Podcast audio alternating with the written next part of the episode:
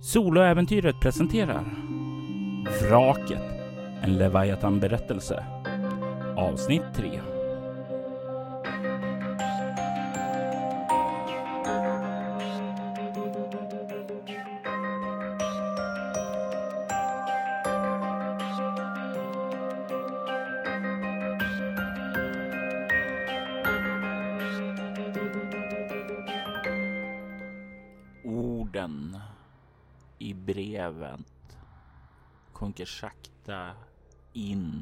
I ditt sinne.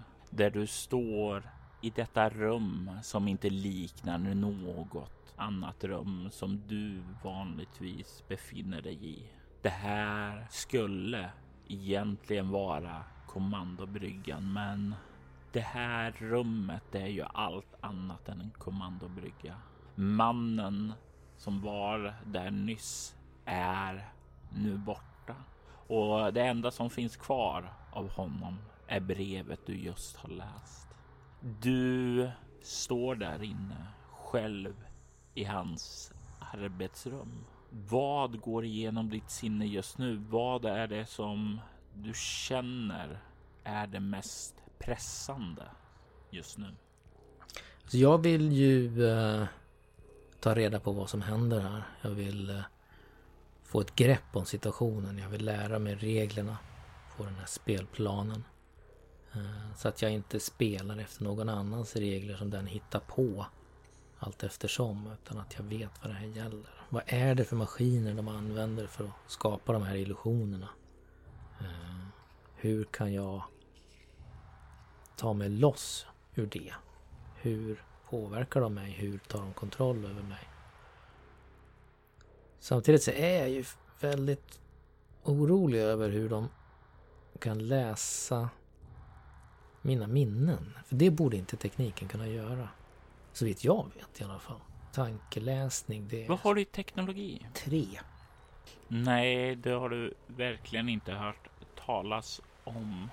Du vet ju att det finns eh, holografteknologi, alltså som kan skapa miljöer och sådant här. Och det går ju även till och med att spetsa det med dofter så att man känner att man befinner sig i en annan värld. Det är ju sådant som eh, det säljs upplevelser på eh, nöjesstaden Jericho där man kan bevista fina solstränder på exotiska paradisöar om man bara är beredd att betala. Men här att det tar upplevelser som du säger från ditt förflutna och gör det. Det är ju i sannolikheten science fiction. Mm. Sen är jag ju eh, kapten på Shello 27 och eh, det är jag som har ansvaret för min besättning. Så att eh, det första jag vill göra är ju att se om den här miasma ljög när han sa att Solveig var någon annanstans. Finns hon här så är det första jag vill göra är att hitta henne och göra allt jag kan för att hon ska ta sig ur det här. Du kan ju se att hon verkar ju definitivt inte vara här inne i rummet där du befinner dig nu, så jag antar att du rör dig tillbaka ut och där kan du ju se den här korridoren som leder vidare tillbaka i skeppet eller vad det här nu kan vara. Men det finns även en gång ned här i källaren, så jag vill veta här om du rör dig ned i källaren eller om du rör dig vidare bak i det som en gång i tiden var skeppet. Jag vill inte gå ner i källaren det första jag gör. Det är ju där eh, mina minnen från barndomen, eller mina drömmar från barndomen, lever och det är där mina mörkaste tankar finns också. Det är där min far ligger. På backen. Visst, jag vet att det är en dröm. Jag vet att det inte är sant. Men han ligger där.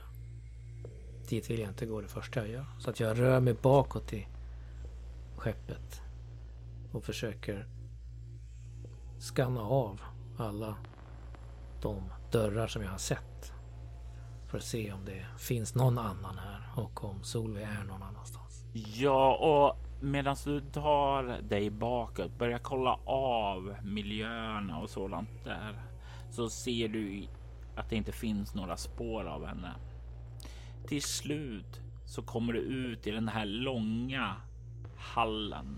Den med stora fönster där solljus strålade in. Du kan se i slutet av den här långa gången så är det en dörr och därifrån så kan du höra nu vacker musik.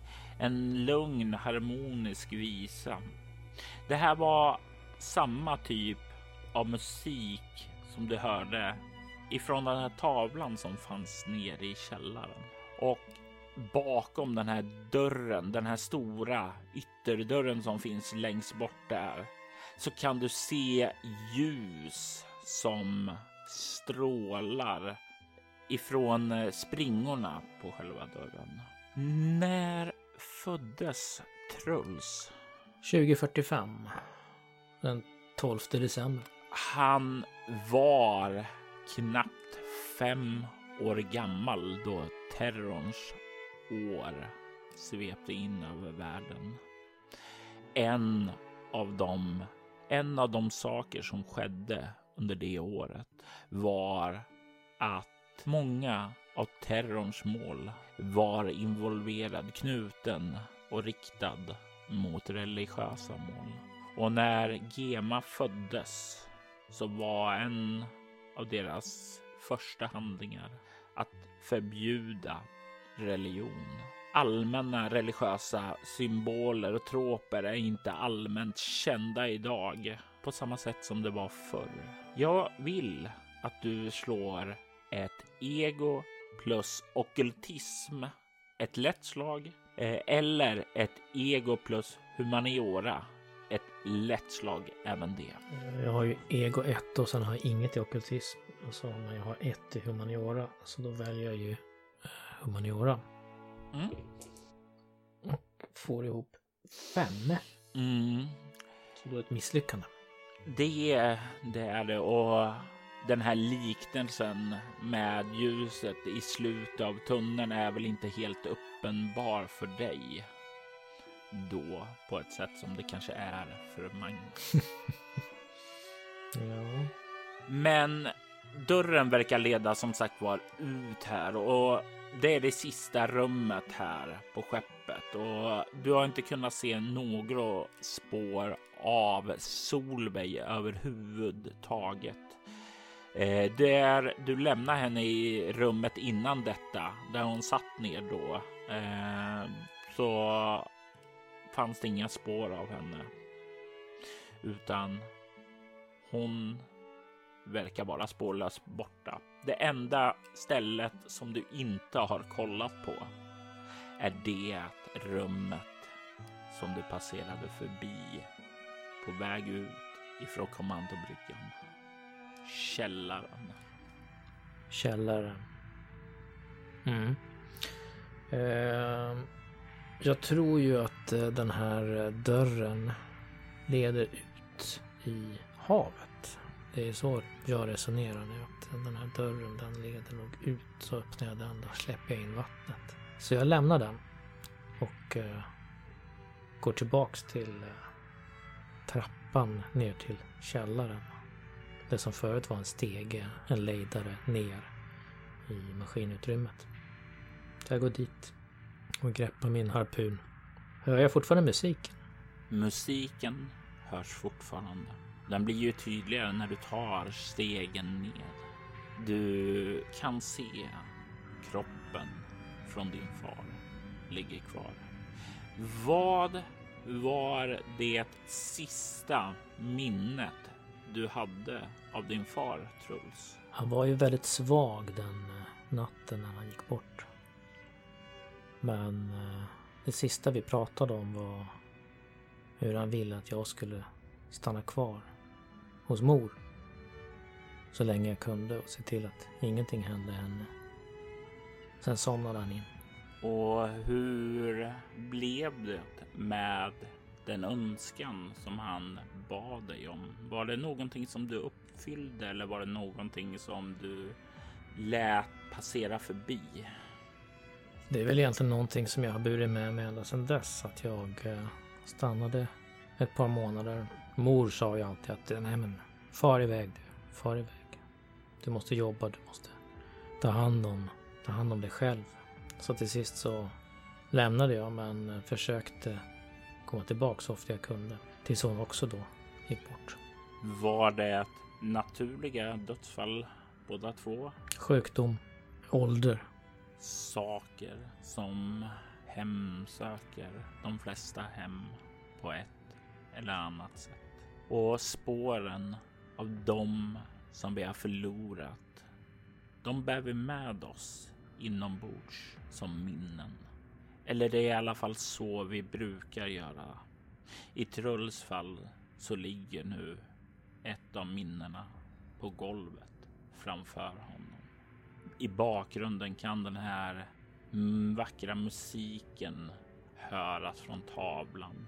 Men det är liksom väldigt, väldigt dovt i bakgrunden. Och det som du nästan hör mest nu är ditt eget hjärtslag som dunkar väldigt snabbt då du stirrar ner på din livlösa faders kropp. När jag minns min far så försöker jag ju minnas när han var i sitt kraftfullaste, sitt mest handlingskraftiga. Och då är det inte att han ligger på backen slagen av en fiende som jag inte vet vem det är. Men det är ändå i den åldern som figuren är. Det är inte den far som jag minns från de sista dagarna som var svag och som inte heller ville att man pratade om det. Som ville vara stark. Men som var så, så, så svag. Utan det är den som ligger framför mig är paradoxalt nog den starka fadern jag hade. Men slagen till backen. Men jag tänker att det här är ju ändå en illusion. Det här är någonting som någon hittar på och lurar mitt sinne med. Och det måste ju vara mitt sinne som göder de här illusionerna, de här bilderna. Och kanske, kanske, tänker jag och ställer mig på knä bredvid min far. Lutar mig över hans huvud och viskar Far, vad ska jag göra? Vad är det som händer? För det kanske finns ett svar. Jag vill här att du slår ett svårt slag med utstrålning plus kameleont för att se hur pass stark din vädjan till honom är. Då har jag sex i utstrålning, fyra i kameleont, så det är tio. Plus ett slag på en T6. Då. Jag slår en etta. Så jag får bara ihop elva. Så missar jag med fyra. Det är någonting i hans ansikte som stirrar upp emot dig. Och du... Det, det, är inte ett svar du får, men det är någonting i ansiktet som nästan känns som om han är missnöjd med dig. Att han ser att du svek det löfte du gav honom. Som om han inte tycker att du är värd att tala med. Du lyssnade ju ändå inte på vad han hade att säga förra gången, så varför skulle han eh, säga något till dig nu? Jag vill att du slår ett chockartat skräckslag med utstrålning. Då är utstrålning 6 och jag slår en etta igen. Sju. Det innebär att du får två skräcknivåer till. Och om jag minns rätt så har du fem allmänna skräcknivåer nu. Stämmer. Du håller din livlösa far i din famn och han svarar inte. Det här är de värsta känslorna jag har. Att känslan av att svika någon. Känslan av att någon tycker att jag inte har räckt till. Att jag inte har gjort mitt bästa. Så jag sätter mig ner i hörnet där. Jag gömde mig förut. Och stirrar mot den här tavlan. Försöker undvika att titta på kroppen för, från min far. När du kollar bort emot tavlan så som slås du av minnet av när du var nere sist. Du såg den här mannen i den svarta uniformen med de röda ögonen och det röda korset på masken som han bar. Han som började röra sig fram emot tavlan. När han kollade bort så rusade du upp och kom ut där till det här kontoret där du mötte miasma. Den här uniformerade, maskerade mannen som har hemsökt din mardröm. Dina mardrömmar sedan tidigare. Han är inte längre kvar i tavlan.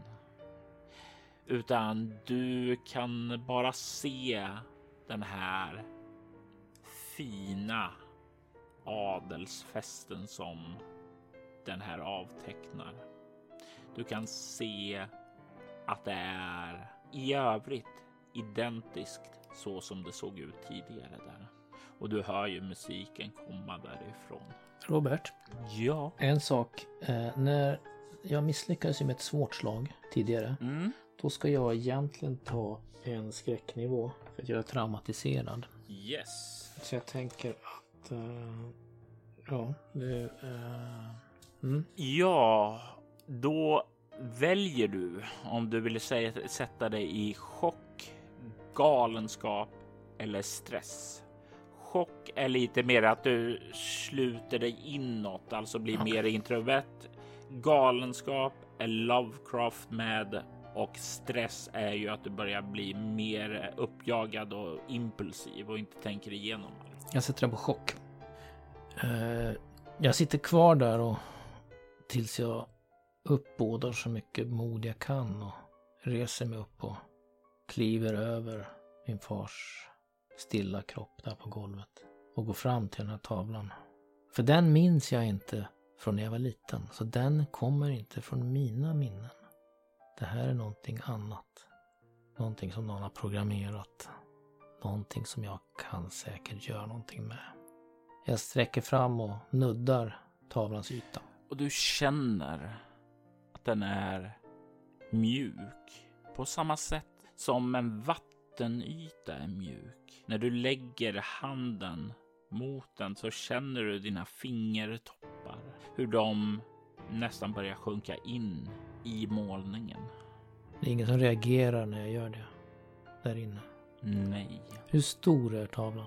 Är den stor nog att eh, kunna... Kan jag klättra igenom tavlan?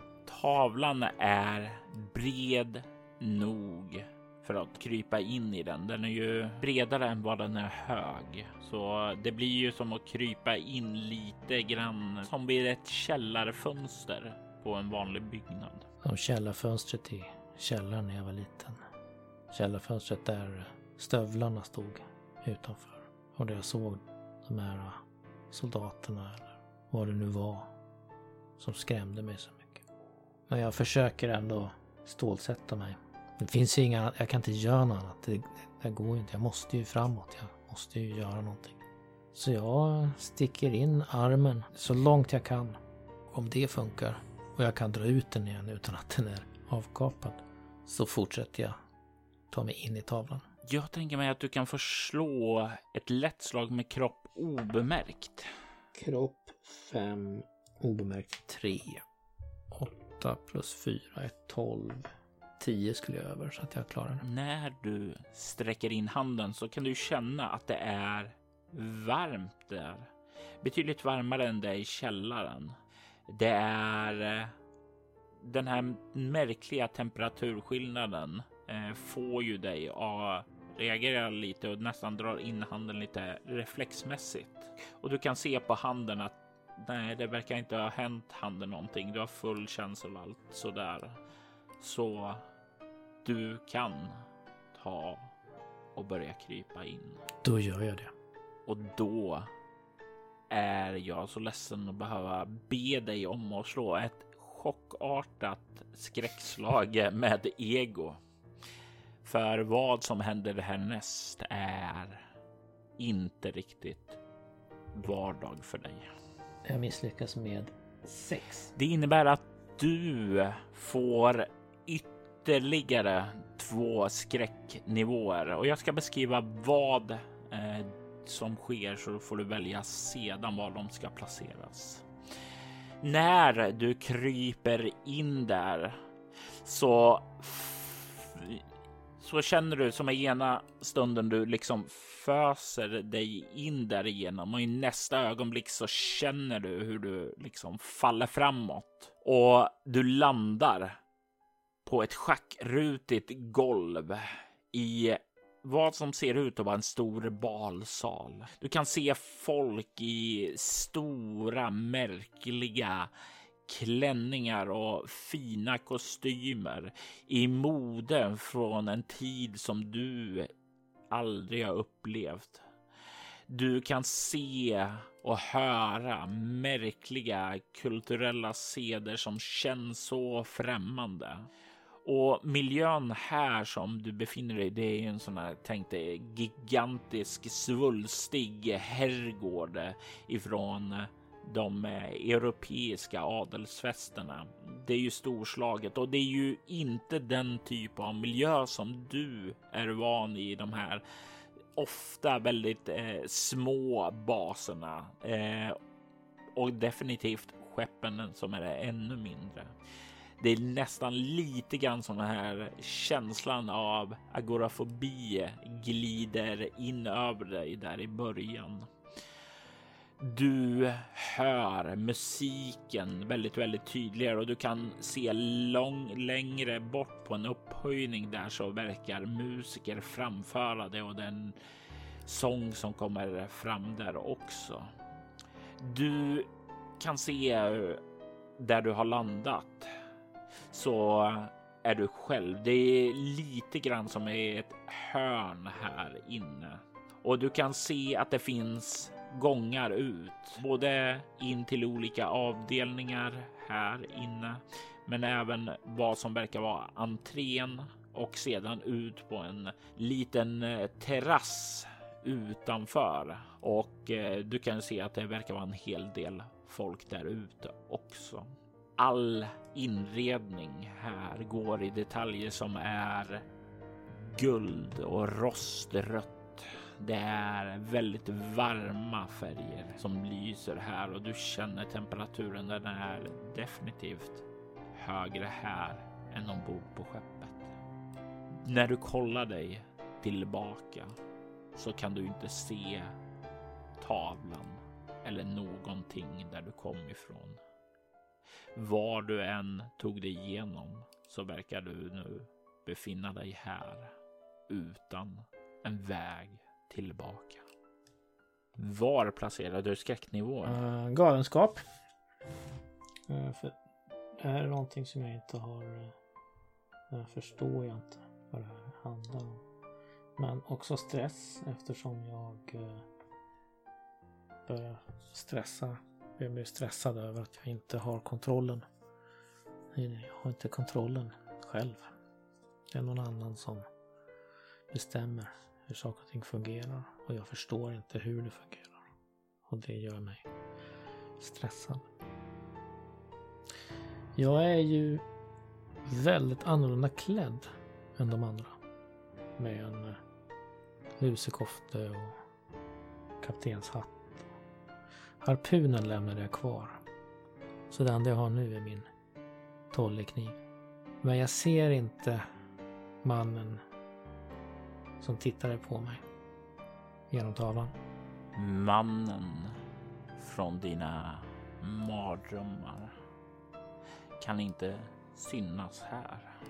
Du kan höra som sagt vara musiken och när du liksom stirrar där över det här rummet så kan du se att folk går omkring och minglar med varandra, talar. Och det är ju på ett språk som, ja, vad har du i lingvistik? Jag har ett. Då vill jag att du slår ett eh, rutinmässigt slag med ego plus lingvistik.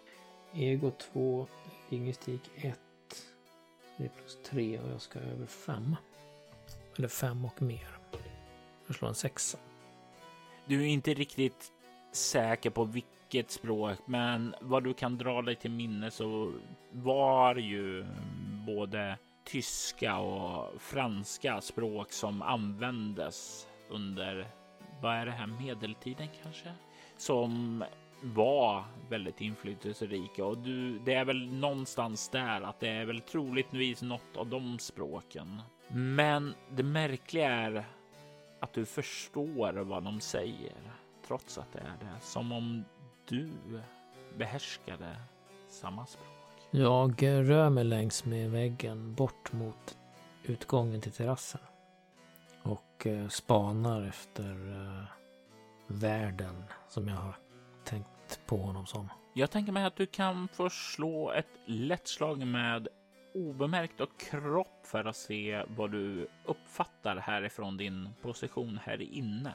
Eller rättare sagt hur mycket du uppfattar utan att något uppfattar dig. Mm. Fem i kropp, tre i obemärkt. Jag slår en femma. Och det, det var ett lätt eller vad sa du att det var? Jajamensan, så det är ett lyckat. Mm. Du kommer fram där och du känner sommarvärmen liksom sveper in där utifrån. Du kan se att det verkar ju ha börjat skymma där ute så det har tänts upp stora facklor där som brinner och lyser upp där.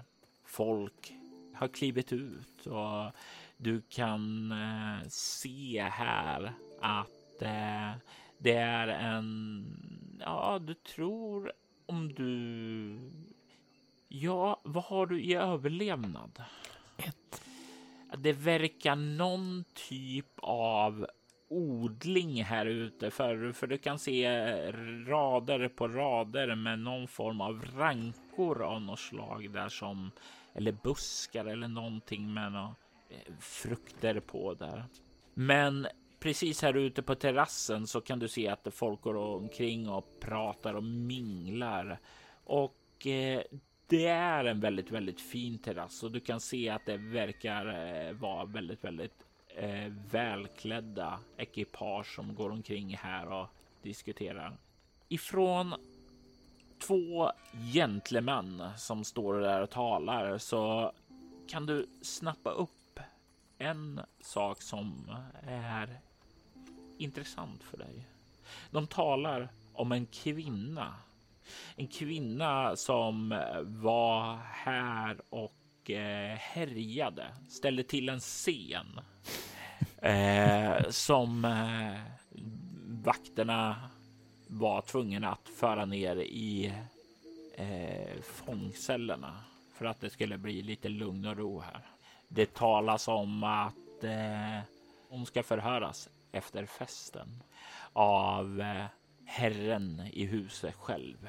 Men det är ju sådant som måste ske efter festen. Inget får eh, störa den årliga skördefesten. Jag eh, ser vad det finns för väg ut ur den här festlokalen.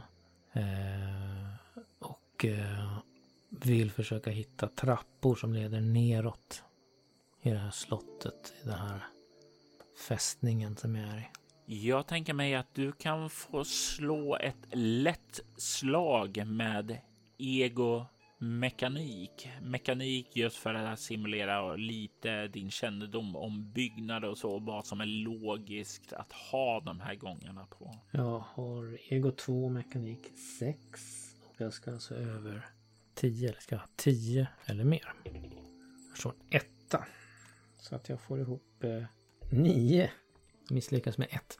Det är ett marginellt lyckat här och det innebär att du kommer att hitta det, men du kommer få en komplikation av något slag. Och eh, jag tänker som så här att när du börjar leta här, det är ju en miljö som inte är bekant, så du, det tar ju tid för dig. Och eh, du kollar inåt ena sidogången där och du verkar komma in då i tjänstefolkets eh, bostäder.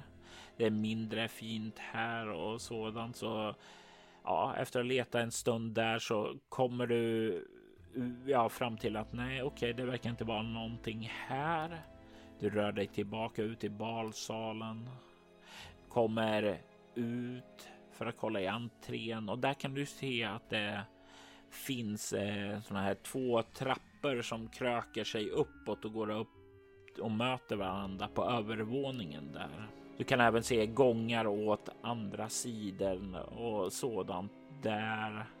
Och eh, leder inåt en annan sektion där. Och du börjar inse att det här den här herrgården, den är ju gigantisk. Eh, det är ju definitivt inte ett litet skepp som eh, du har levt på ehm, som ja, det blir en väldigt, väldigt stor skillnad här. Men när du viker av åt den ena gången bort ifrån tjänsteavdelningen och går åt andra hållet så kan du snart hitta en dörr.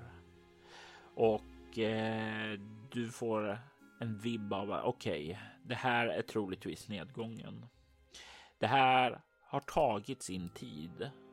Så du kan ju höra nu att eh, det verkar vid det här läget vara någon form av församling här som eh, så kan du höra att det verkar vara någon typ av aktivitet som är på väg att ske inne i balsalen. Det är som om folket börjar samlas.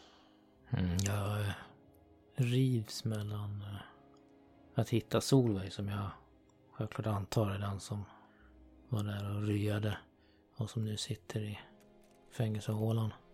Och att eh, se vad det är som händer. Mm, ja, jag, nej. Har jag bestämt mig så har jag bestämt mig. Jag ska hitta ner fängelsehålan. Jag är inte den som ändrar mig så jag fortsätter att eh, leta efter en nedgång till fängelsehålan.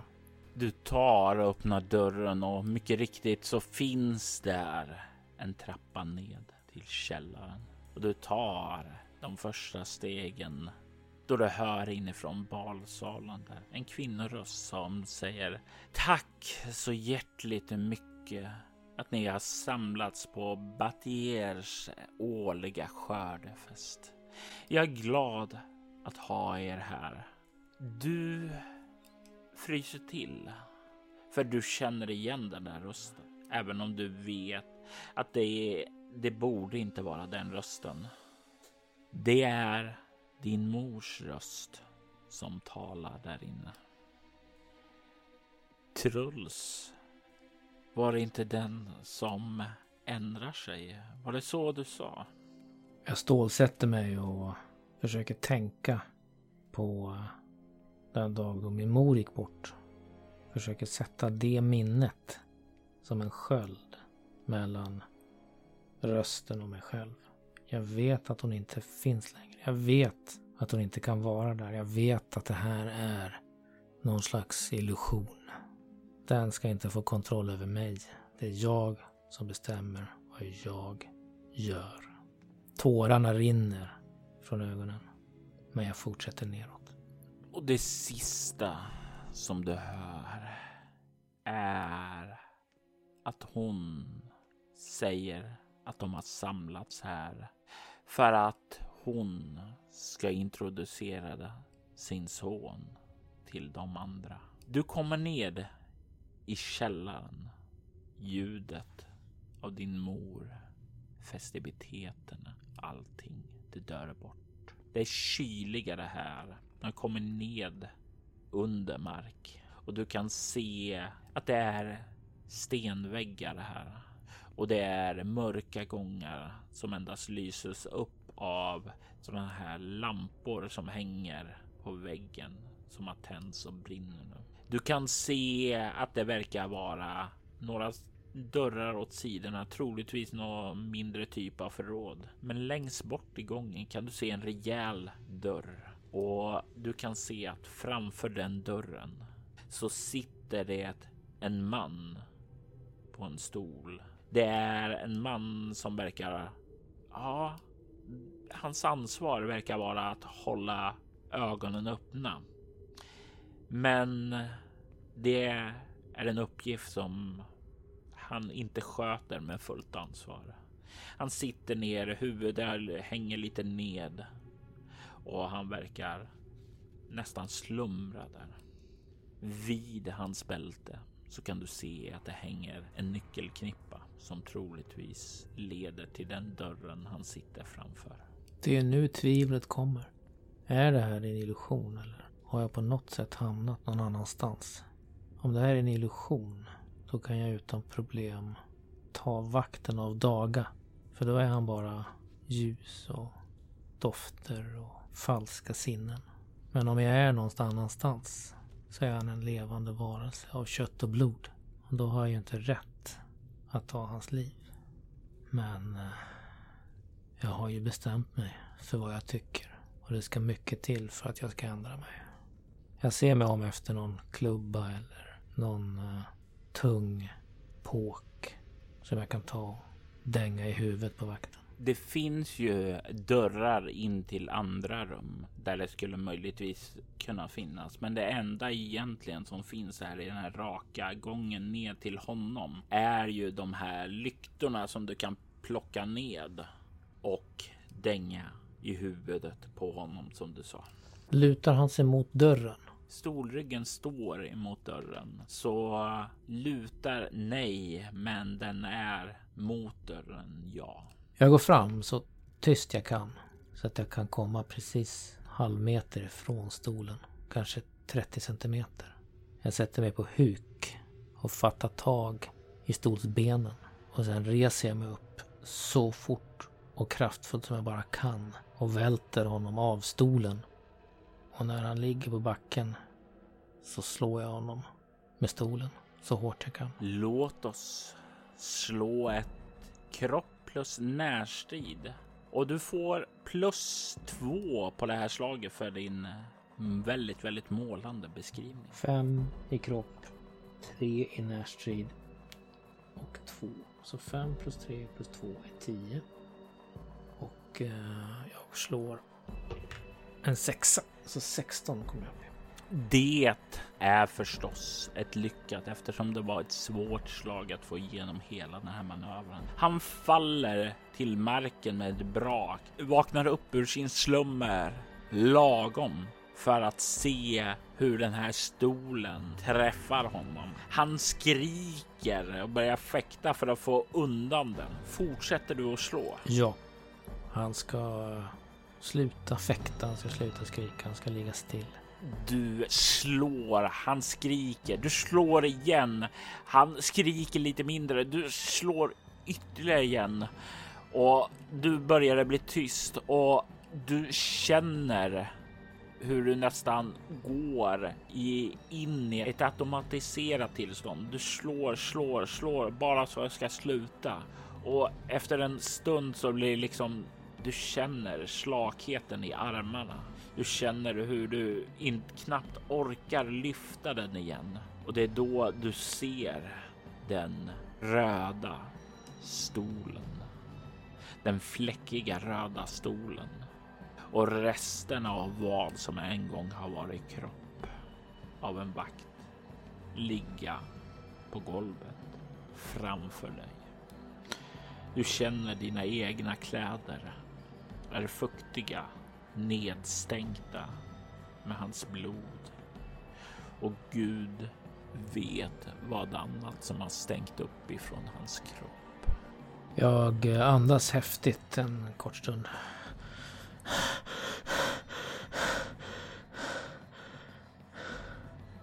Kastar ifrån mig stolen och går fram och lyfter loss nycklarna från bältet. Sen eh, tar jag dem och vänder mig om mot dörren. Tittar in genom eh, det lilla gallret som finns där. Du kollar in och förväntar dig att se någon typ av cell antar jag. Mm. Men det är inte vad du ser. Där inne så kan du se att det verkar vara ett sovrum. Ett eh, ganska fint sådant. Det är inrett med olika gobelänger på väggarna. Ett stor madrass med kuddar där i en himmelsäng. Du kan se att det finns svulstiga detaljer där inne. Det är som om det här rummet skulle vara inrett för en liten prinsessa. Och allting här går i guld och roströda färger. Du kan ana också att det ligger någon och sover i sängen där inne. Jag låser upp dörren. Försöker du göra det diskret eller mer hastigt? Hastigt. Har de inte hört att jag eh, levde om här i korridoren innan då lär de inte höra att jag öppnar dörren heller. Och har de hört det då vet de att jag är här. Så jag eh, försöker så fort som möjligt få upp dörren. Och det är inga problem. Du hittar nyckeln efter andra, tredje försöket där. Och du skjuter upp dörren och eh, ja, du kan se in i det där rummet och jag vill att du slår när du kommer in där. Ett lätt slag med egomedicin. Jag kommer upp åtta. Så, missa med två. Det är marginellt lyckat och du kikar ned på den här kvinnan som sover där. Eller kvinna är fel ord. Flickan. Du kan se att en mörkhårig flicka i tioårsåldern. Och det är någonting bekant där med henne. Någon, någonting som du inte riktigt kan sätta fingret på. Om du vill så kan du få spendera en bestående förlust i ego för att dra dig till minnes det. Eller utstrålning för att dra dig till minnes det. Eller så kan du låta det vara så. Eh, jag tar en bestående förlust i utstrålning då. Det tar ett tag, men det slår dig snart att du känner igen den här flickan. Men du har aldrig träffat henne. I alla fall inte när hon var så här ung. Men det här är Solveig då hon var ung. Den tioåriga Solveig verkar ligga och sova i sängen här nere och hon verkar inte ha hört ett ljud av dig överhuvudtaget. Jag sätter mig på sängkanten och eh, lägger eh, handen lätt på hennes axel och skakar henne lite. Solveig? Solveig? Solveig, vakna. Mm, vakna. Du kan se, börjar så här lite frustrerat där när du inte ger dig. Eh, öppna ögonen och blinka lite och kollar upp mot dig och sen så kan du se hon rygga lite undan från dig. Ungefär som hon inte riktigt känner igen dig. V vem är du? Vad va, va, va gör du här? Solveig, det är Truls. Du måste minnas. Du måste koncentrera dig du kan se hon eh, liksom försöker få fram några ord, men hon samtidigt försöker liksom skjuta händerna i madrassen framför sig och trycka sig själv lite bakåt undan ifrån dig. Och du kan ju se att hon verkar lite rädd av att väckas av en främmande man i sitt rum där. Och jag vill att du slår ett svårt slag med utstrålning plus kameleont. Och den är med då fem i utstrålning. Kameleont fyra. Så det är nio.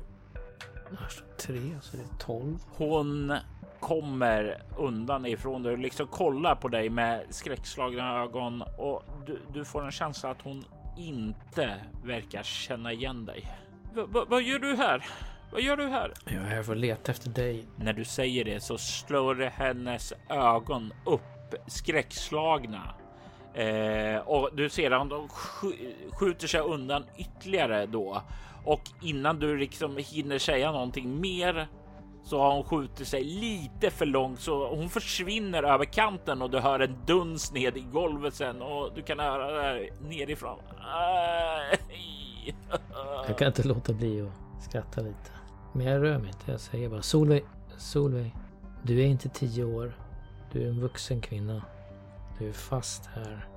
Du måste ta dig loss. Tänk. Minns. Du måste ta kontrollen.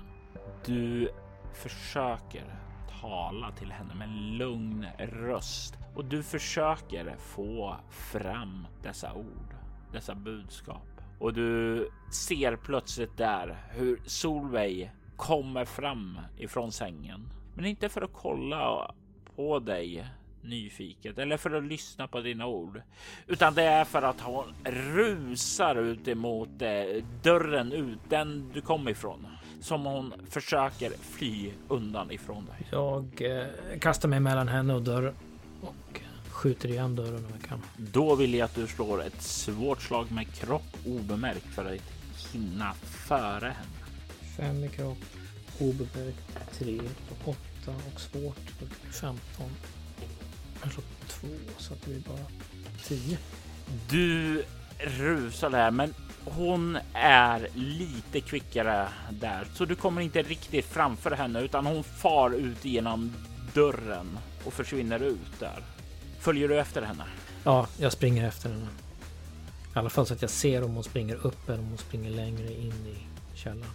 Du ser ju att hon springer ut där och när hon gör det så verkar hon rusa längre in i korridoren där. Mm. Du följer efter, men i samma ögonblick som du liksom passerar igenom den här dörrkarmen så skiftar miljön återigen. Du är inte längre där nere i källaren, utan du kan befinna dig i en lång, trång gång ner i någon, ja, någon typ av kulvertgång. En bas eh, som verkar vara ja, definitivt från miljöer du rört dig i. Det här verkar vara en av baserna som finns nere på havets botten. Du kan se att det är skitigt nedgånget rör som det droppar kondensfukt ifrån. Du kan se också hur det fladdrar litet lysrör och du kan se lite längre fram där hur Solveig verkar springa, men hon är inte 10 år nu utan du kan se att hon är 16, 17 där. Hon är klädd i slitna kläder, eh, verkar inte definitivt vara särskilt framgångsrik och du kan se att hon verkar fly för sitt liv. Jag vill att du slår ett kropp rörlighetsslag. Eh, ett lätt sådant för att komma ifatt henne. Fem i kropp, rörlighet fyra och så nio plus en etta blir tio. Precis att det lyckas då. Ja, du kan se att hon verkar springa mot en ingång som verkar leda nedåt och det verkar vara en rejäl branddörr och du ser ju att om hon kommer in där och drar igen den så kommer du inte att komma fatt henne. Du känner hur du pressar dig själv och just som hon är på väg att kasta sig in så kan du fånga tag i henne. Jag tar tag i hennes arm och drar henne mot mig. Och jag vill att du tar och slår ett eh, lätt slag med kropp närstrid. Fem i kropp, närstrid tre, åtta och jag slår en etta så jag får bara nio. En marginell. Du får ju kontroll över situationen, men inte utan att hon liksom eh, slår emot dig liksom försöker skalla dig. Det är ju trots allt en 16-åring som inte verkar veta hur den ska slåss effektivt där, utan det är bara vilt flaxande och slår det där och det är massa små blessyrer och sådant. Och jag tänker ge dig en bestående förlust i kropp där av de här blåmärken och eh, slagen som du får. Men du kan ta kontroll över situationen och hon eh, verkar till slut sluta att kämpa emot dig och rycka sig fri och sådant när hon inser att du har kontroll. Släpp mig, släpp mig. Hon talar med en röst som är lite arg. Det här nästan och nästan utmanande och rebelliskt. Solveig, jag kan inte släppa dig. Lyssna på mig nu. Lyssna. Du är inte... Du är en vuxen kvinna. Du är fast i den här drömmen. Du måste ta dig ur. Tänk, tänk. Minns vad du har varit med om. Minns allt du har gjort. Du är inte fast i din unga kropp. Va, vad talar du om gubbe? Det, det, vadå? Du talar goja. Du, du är precis som alla andra. Du bara vill lura oss och göra saker åt eh, dem. Eh, jag, jag klarar nog bättre själv. Eh, det enda man kan lita på är sig själv. Jag vet att du klarar dig själv. Men jag vet också att just nu så måste du ta dig ur det här själv. Du måste ta dig framåt till nutiden. Du är fast i en mardröm. Du måste härifrån. Jag kan inte släppa dig. Jag tänker inte släppa dig. Du lägger en fas på orden och jag vill veta om du lägger en bestående förlust i utstrålning för att dra henne ifrån hennes förflutna in i nutid så att hon minns vem hon är nu. Absolut. Dina ord når fram till henne och du kan se där plötsligt hur du håller i Solveig som vuxen i den utstyrsel som hon hade när du sist såg henne. Du kan se att ni är tillbaka i rummet. Den här trånga gången som ni sprang igenom, den är borta nu. Ett minne ifrån hennes förflutna som har blekt bort. Du kan se att hon kollar sig lite förvirrat eh, om och Truls. Att den en så konstig dröm säger hon och sen så tystnar hon när, ni, när hon ser att ni befinner er i det här sovrummet. Jag släpper hennes arm. Väl medveten om att om hon skulle vilja nita mig nu så har jag ingenting att sätta emot. Jag vet inte vad som händer. Jag har ingen aning om var vi är eller har varit. Men vi måste ta oss till skeppet. Vi måste ta oss till Erling så fort vi kan. Följ mig. Yes, säger hon och börjar kolla sig lite runt där och sen så kliver hon bort till ett av borden och tar en rejäl sån här silverljusstake i eh, sin hand. Det är ju en sån här bara för ett ljus och det blir liksom som när hon tar upp det, det som en klubba där hon famnar för att ha någonting att beväpna sig. Sen rör vi oss mot lastutrymmet för det var där vi tog oss in i skeppet. Du börjar röra dig ut och du kan ju se utanför resten av den här vakten som du slog dig igenom för att ta dig in till det här rummet där hon var. Hur får det dig att kännas när du ser resten av ditt hantverk? Nu när allt börjar te sig mer verkligt så blir ju kroppen efter vakten också mer verklig och blir mer påtagligt. Hur eh, jag var villig att släppa på anständigheten bara för att få kontroll en kort stund. En kort stund var det jag som bestämde vad det var som jag gjorde. Och jag sökte det så starkt så att jag till och med var villig att låta det gå ut över en annan människa.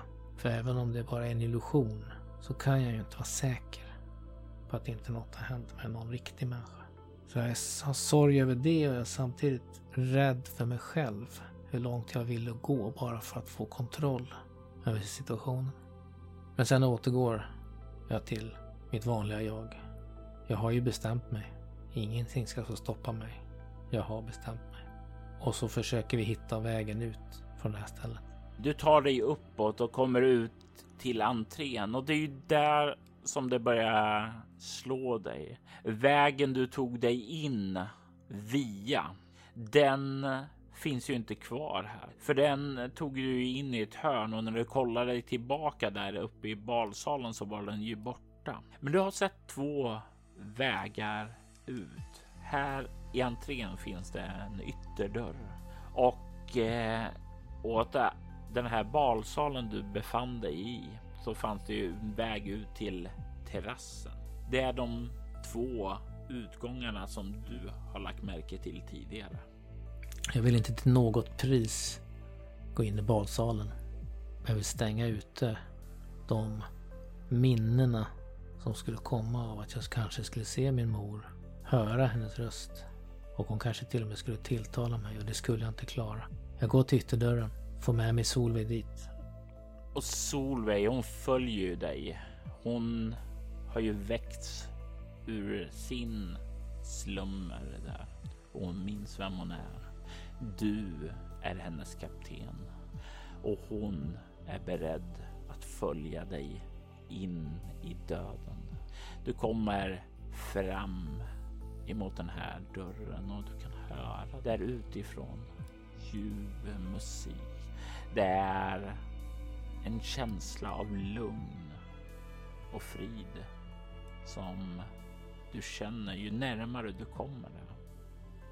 Du kan se också de här ljuset i sprickorna där. Och det är någonting när du börjar liksom komma där som det, det är som om den här känslan som du kände där borta ifrån balsalen. Där du hörde din mor. Där du kände kanske skuld, ångest, skam. Jag vet inte exakt vad som gick igenom där. Men någonting fick dig att vilja bort därifrån. Dessa känslor blir nästan märkbart så att de börjar glida undan eller det är som om någonting försöker skjuta dem undan ifrån dig för att få dig att släppa det. Bara ett steg till, ett till. Det är något som nästan lockar dig mot den här dörren. Jag blir genast misstänksam. Ingenting har ju gått bra sen vi gick ombord på det här skeppet. Så varför skulle någonting gå bra den här gången? Det kan nog vara en fälla. Men eh, jag har ju bestämt mig. Så jag går fram till dörren och tar ett bastant tag i handtaget och öppnar dörren. Du öppnar dörren och i samma ögonblick som du gör det så slår ljuset på andra sidan upp emot dig och du känner frid. Vad i ditt liv, Truls, är det du mest stolt över som du har lyckats utföra, som du har fått gjort? Den handling du gjort som du är stoltast över att lämna efter dig? Alltså, jag lyckades hålla ihop min lilla, lilla familj så länge. Att jag lyckades hålla ihop Erling och Solveig och mig. Som en liten, liten enhet. Så länge. En ny familj. Ett surrogat för den som du inte lyckades uppfylla din döende fars önskan till. Den som tagits ifrån dig.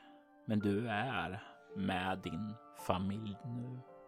Och den känslan, den är så fantastisk att allt annat, det bara bleknar bort. I ett starkt, vackert ljus. Truls hade en tanke om att varför skulle det vara så lätt när inte något annat hade varit det? Han öppnar dörren. Den dörren som egentligen är luftslussen till skeppet. Ombord Shellos så sitter Erling och han skriker över kongraden desperat, försöker få kontakt med det, även om han vet att det inte funkar. Men han kan bara bevittna det hemska som sker ifrån sin kommandobrygga. Då vattnet slussas in i skeppet och hans kapten och kollega blir kvar i det skeppet som vatten fylls. Han skriker av det. Han reser sig upp ifrån kommandobryggan och börjar rusa bakåt där bort emot en luftsluss där de dockade. För han vet att det är bara ja, mindre än en minut innan vattnet kommer slussas upp där och åka in i hans skepp. Han arbetar frenetiskt för att få det lös. Han sliter igen luckan där lagom till vattnet är på väg upp där. Han sjunker tillbaka med tårar rinnande ned för sina kinder när han nu är övertygad om att han är ensam. Men han är inte ensam. I skuggorna så står det en man i mörk uniform med en mask med ett rött kors på sig och ett par röda lysande ögon.